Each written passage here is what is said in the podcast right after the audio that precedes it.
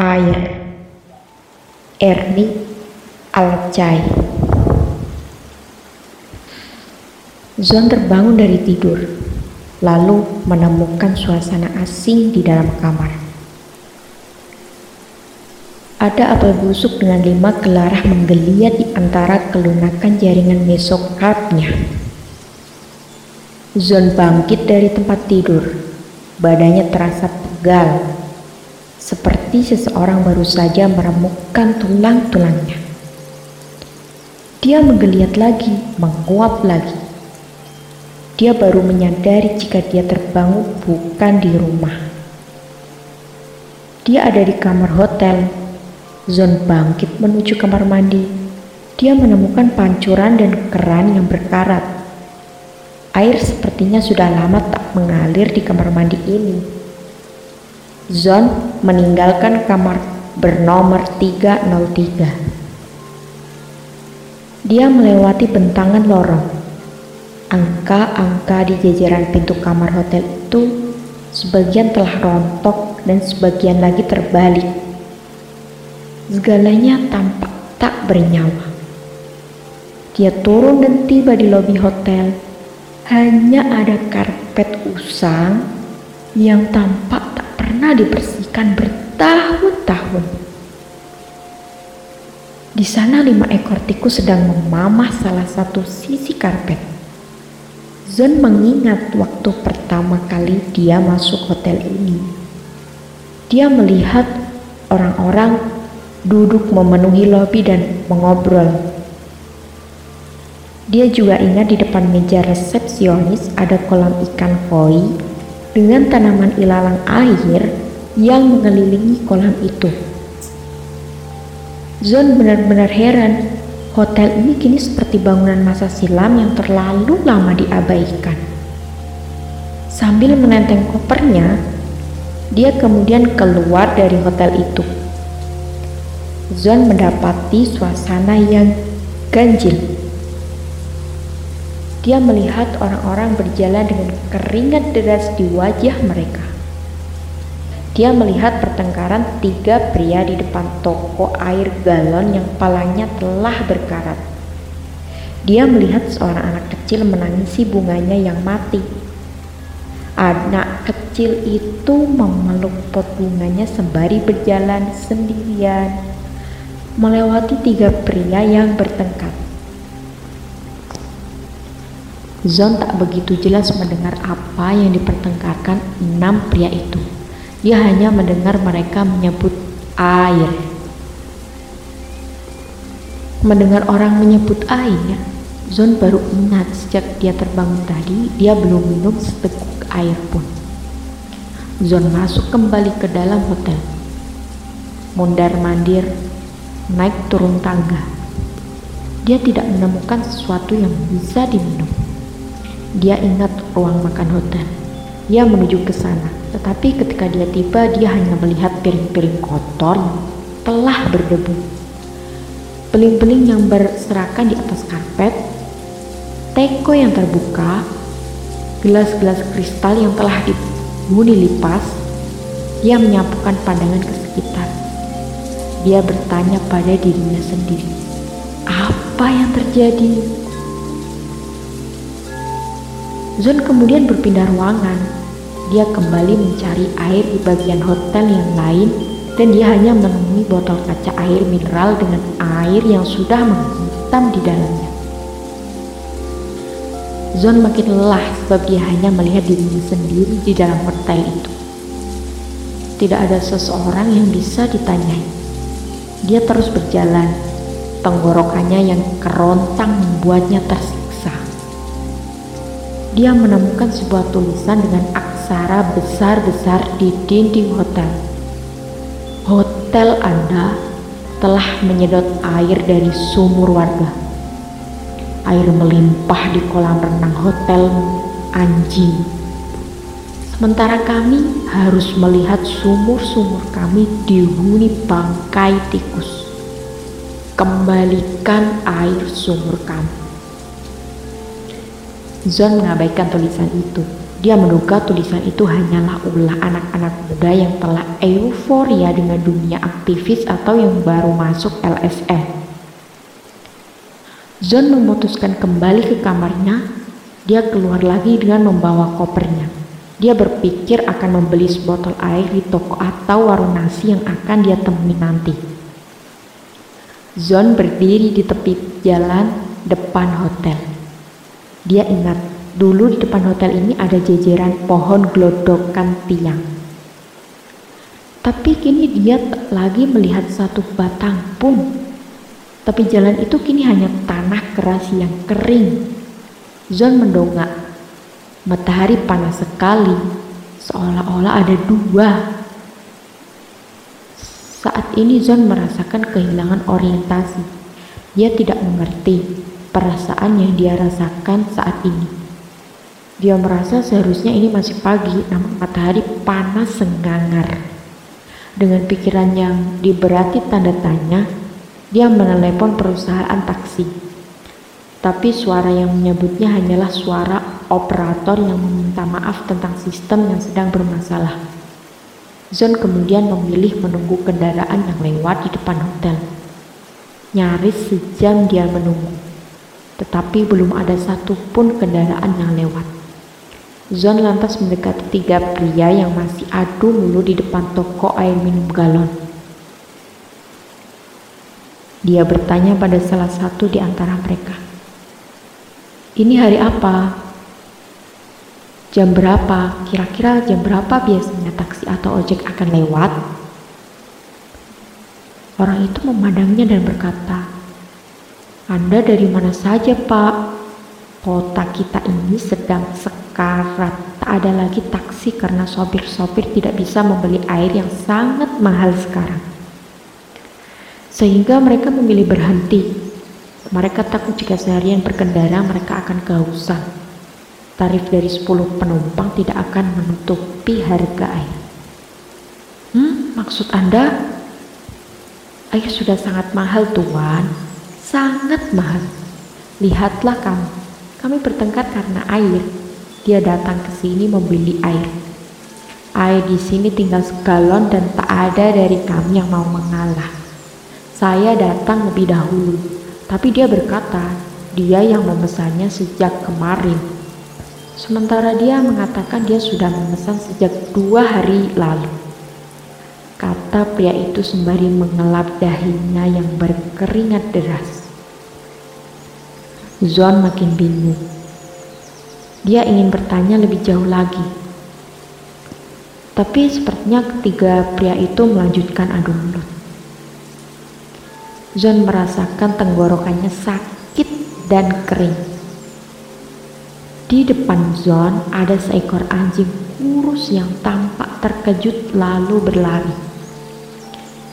Anjing itu barangkali mengira Zon yang tengah membungkuk mengikat tali sepatu akan mengambil batu dan melemparinya.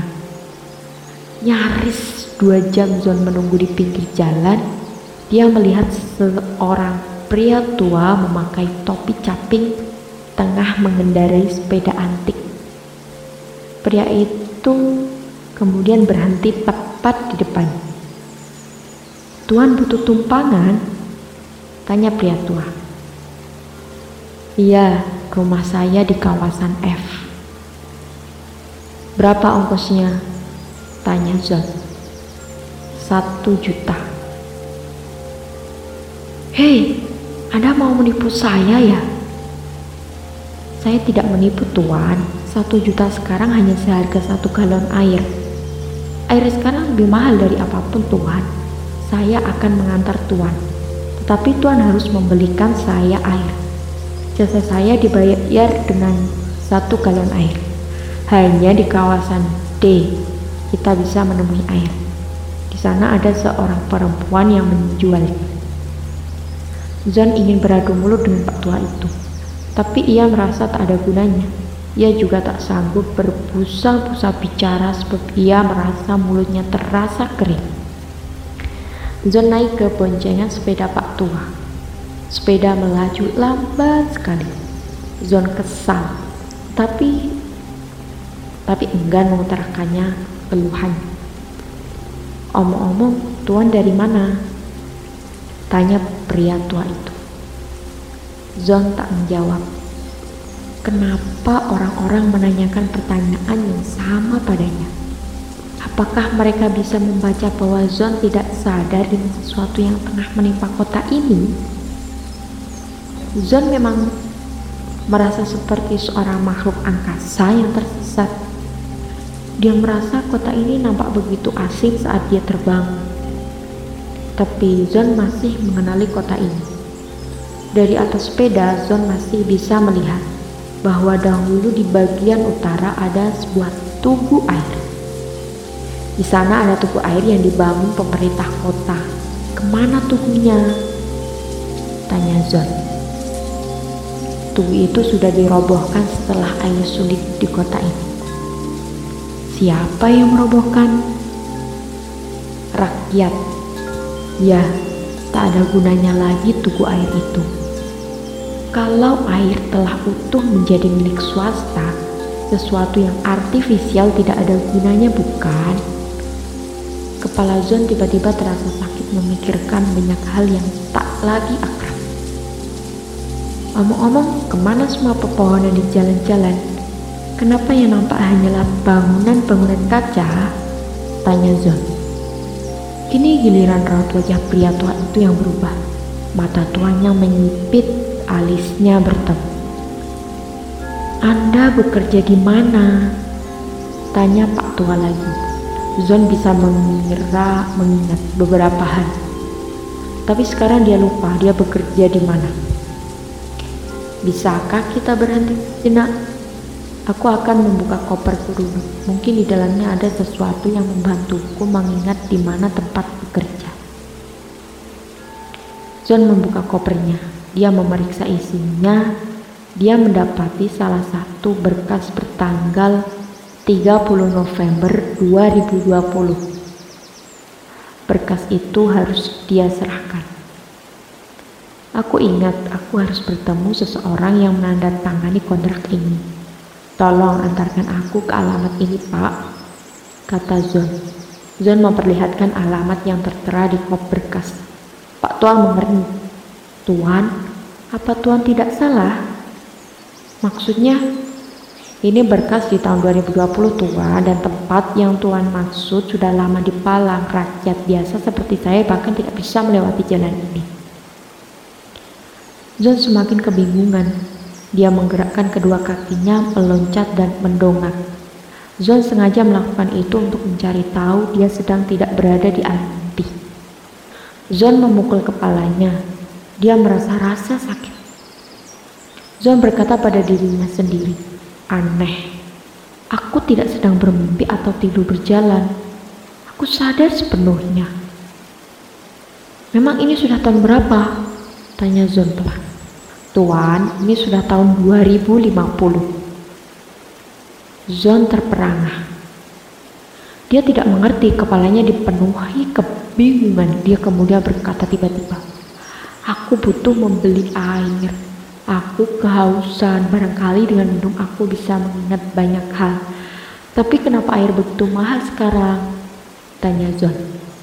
Dulu air tidak semahal ini. Air masih mengalir di keran-keran perumahan Kota ini dulunya kota sungai, tapi orang-orang terlalu lama mengabaikan sungai. Sementara mata air, mata air dipagari perusahaan-perusahaan. Tahun-tahun kemudian berlalu, sungai-sungai menutup dirinya, dan mata air mengeringkan di dirinya. Sementara sisa-sisa sumber air, kita di utara telah dikuasai perusahaan asing Orang lupa bahwa air membawa nyawa dan punya kemerdekaan sendiri.